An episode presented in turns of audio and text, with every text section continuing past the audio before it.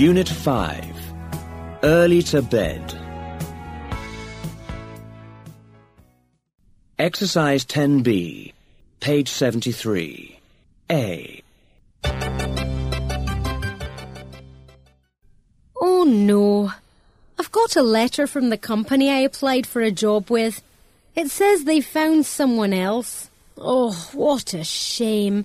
I was sure I'd get that job. B. Wait a minute. Oh, I don't understand this. The manual says put plug A in socket B. But I can't find a socket B. It doesn't make any sense. C.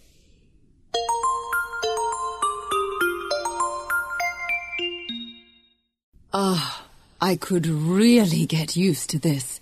There's nothing like lying by the pool on a sunny day with a waiter bringing you cool, refreshing drinks. This is the life. Exercise 31, page 78. Speaker 1. I used to be the most stressed man on earth. I was working for a large company in the city, and I used to spend up to 12 hours a day in my office, struggling with mountains of paperwork.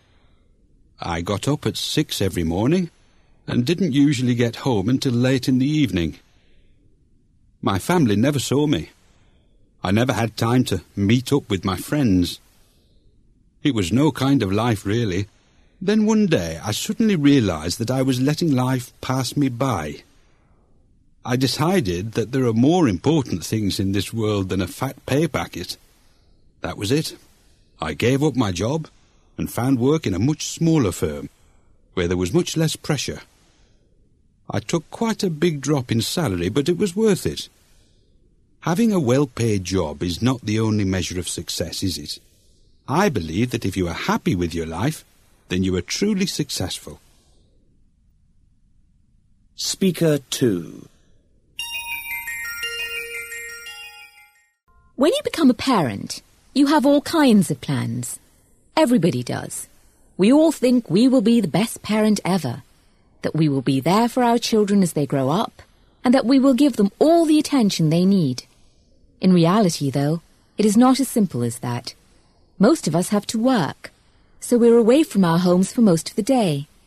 When I had my eldest daughter, I knew that my life would have to change if I was going to be the parent I wanted to be. I gave up my job with a large fashion company and began to work from home, designing and making clothes. It meant that I could still work, and I also had the opportunity to be at home with my children.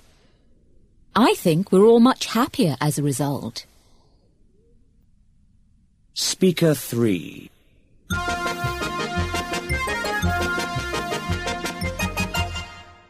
Life in the city was so hectic that I was always stressed out. It took me over an hour to get to work on the train and the bus, and by the time I got to the office, I felt worn out. Then there were all the traffic fumes and the noise. It really wasn't very healthy. Then last year, I went to visit some friends who live in a tiny village miles away from anywhere. Their lifestyle was so much more relaxed and peaceful that I decided there and then to move out to the country. Now I live in a little cottage surrounded by fields and trees. I work from home, so there are no more tiring journeys on public transport, and I'm a far more positive person. Speaker 4. My view is that if you really want to improve your life, you should try to improve the lives of others. I started doing charity work about five years ago, and since then I have raised thousands of pounds and made life better for hundreds of people around the world. It is a truly wonderful feeling to know that you are using your life, your time, and your energy for those in need. It also makes you realize how lucky you are to have a roof over your head, food, and clean water to drink.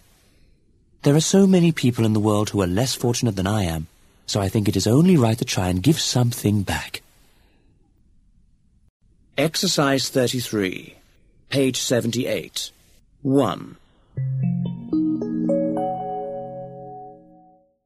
How are you feeling? Oh, not too bad. A little bit shaken. I'm not surprised. It must have been terrifying. Well, yes. My whole life flashed before me. I've never been so scared in all my life as when I saw that bicycle in front of me. Well, you'd better get used to being scared. What do you mean? You've still got to tell Mum what you did to her car, remember? 2.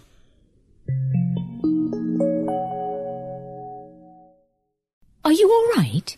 No, I feel awful. It must have been the seafood. I don't think it was a 100% fresh. Well, I had the prawns and lots of them, and I'm okay. Are you sure you're not allergic? No way. I'm sure you just have a stronger stomach than me. Oh, my stomach. That's it. I'm never eating at that seafood restaurant again. 3. Hi, I'm back. Oh, it's so early. I don't know how you can do that every morning. Well, it's a great start to the day. I feel fighting fit and ready to face anything. Good. You can get the kids ready for school then. No problem. You know, you'd have much more energy if you took regular exercise. I dare you to join me tomorrow. A good run will really set you up for the day. Hmm, we'll see. 4. Well, it looks as though someone has been overdoing it. Oh dear. Is it bad news? Not really, just a pulled muscle. Have you been doing any strenuous exercise? Well, I do quite a bit of weightlifting. Ah, well, there's your answer. I would try to ease up a bit if I were you. 5.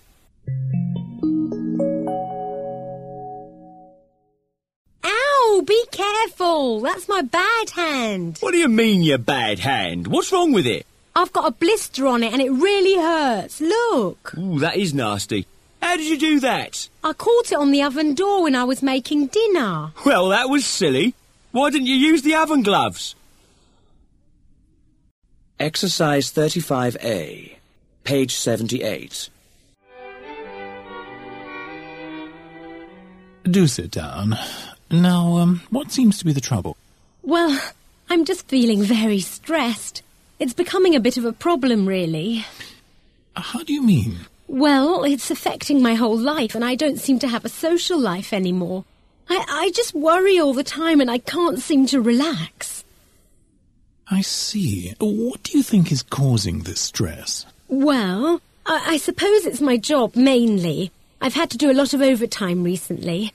My boss keeps giving me impossible deadlines to meet, and I'm scared that he'll give me the sack if I don't get everything done on time. Hmm, that's not good. Um, have you considered changing your job? Oh, yes. I think about it all the time. The trouble is, there's just nothing available right now, and I really do need the job. Hmm, well, uh, in that case, perhaps you should talk to your boss and ask to cut down on the hours you work. Oh, I don't think he would like that at all. Isn't there anything else you can suggest? Well, if you really want to beat stress, uh, the best thing you can do is make more time for yourself. You need to make sure you use that time to do something just for you, to help you relax and put your problems aside. I see. Well, it's true I don't have much free time at the moment. When I'm not at work, I have to take care of my two children. Why don't you consider childminding or, or daycare for your children? That might be the answer to your problem. I suppose I could do something like that. But the thing is, I really need a cure now. Aren't there any pills you can give me? Of course, there are pills to help people deal with stress, but taking medicine is not the best solution. My advice to you would be to try to take things easier for a while. Cut down on the overtime. Put your children in daycare. Oh, and, and try to find time to relax.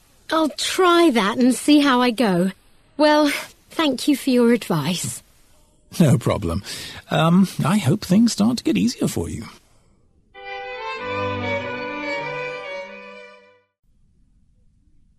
Exercise 37A, page 79. 1.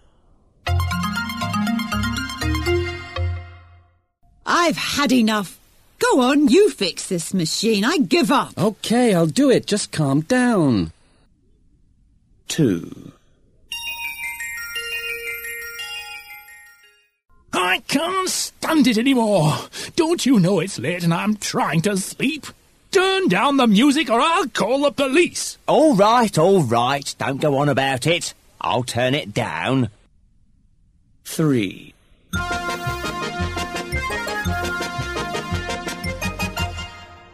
Haven't you finished that report yet? You must be joking. The phone hasn't stopped ringing all day, and I've been running around after you. When do you expect me to do it? Four.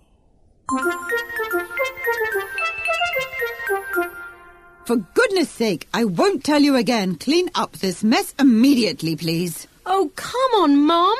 It's my room after all. You never stop nagging me. Exercise 38B, page 79.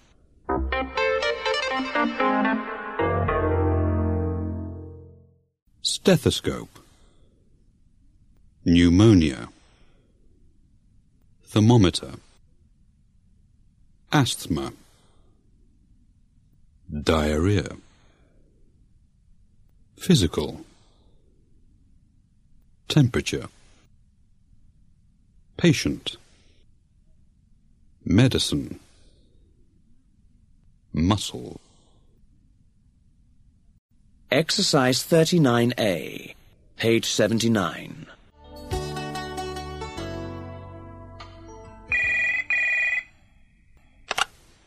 Good afternoon, Meadows Surgery. Can I help you? Oh, yes, I'd like to make an appointment with Dr. Michaels, please. I'm afraid Dr. Michaels is on holiday at the moment. Would you like to see Dr. Jones instead? Um, Uh, yes, all right, that would be fine. Right. The first available appointment is on Thursday at 10 o'clock. Does that suit you? Yes, that should be okay. Good. Can I take your name, please? Tina. Tina Wilcox. What seems to be the problem? I've been having trouble sleeping lately. Right then. We'll see you on Thursday at 10 o'clock. Oh, thank you. Goodbye.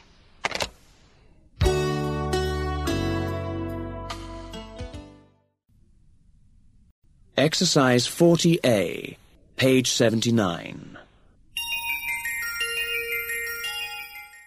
Are you okay, Betty? You look a bit pale. Actually, I feel terrible. Oh, what's wrong? I'm burning up and my whole body aches too. Sounds to me like the flu. If I were you, I would go to bed.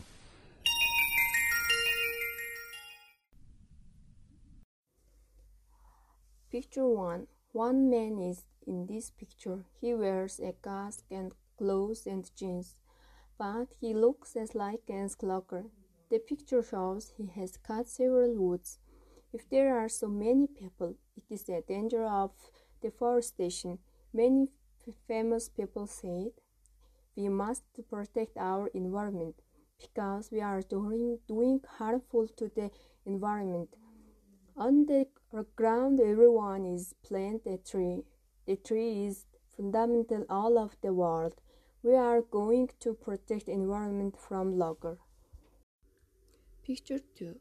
The picture shows littering by person with a car. In my opinion, person is a man. Man looks a rich but dumb person. If I were he, I haven't littering in out place. In the last years, everyone has a smartphone. I think we are possible take a picture when people are littering. So that picture will be sent to police center or post to social. Maybe he might shame after he see herself. Then he hasn't littering. Flower power. In Western society, there is a widespread belief that animals are not very intelligent.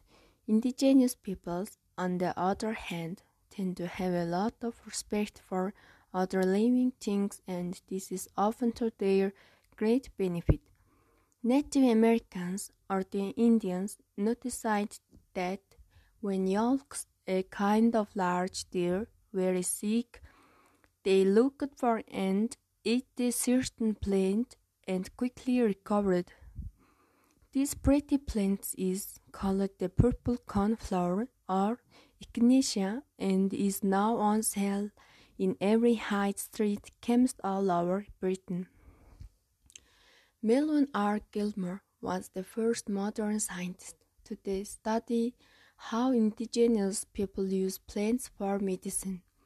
He discovered that he Native Americans use echinacea for a lot of different health problems. This Sioux used the root to treat snake bites, while another tribe inhaled the smoke from the burning plant to cure headaches.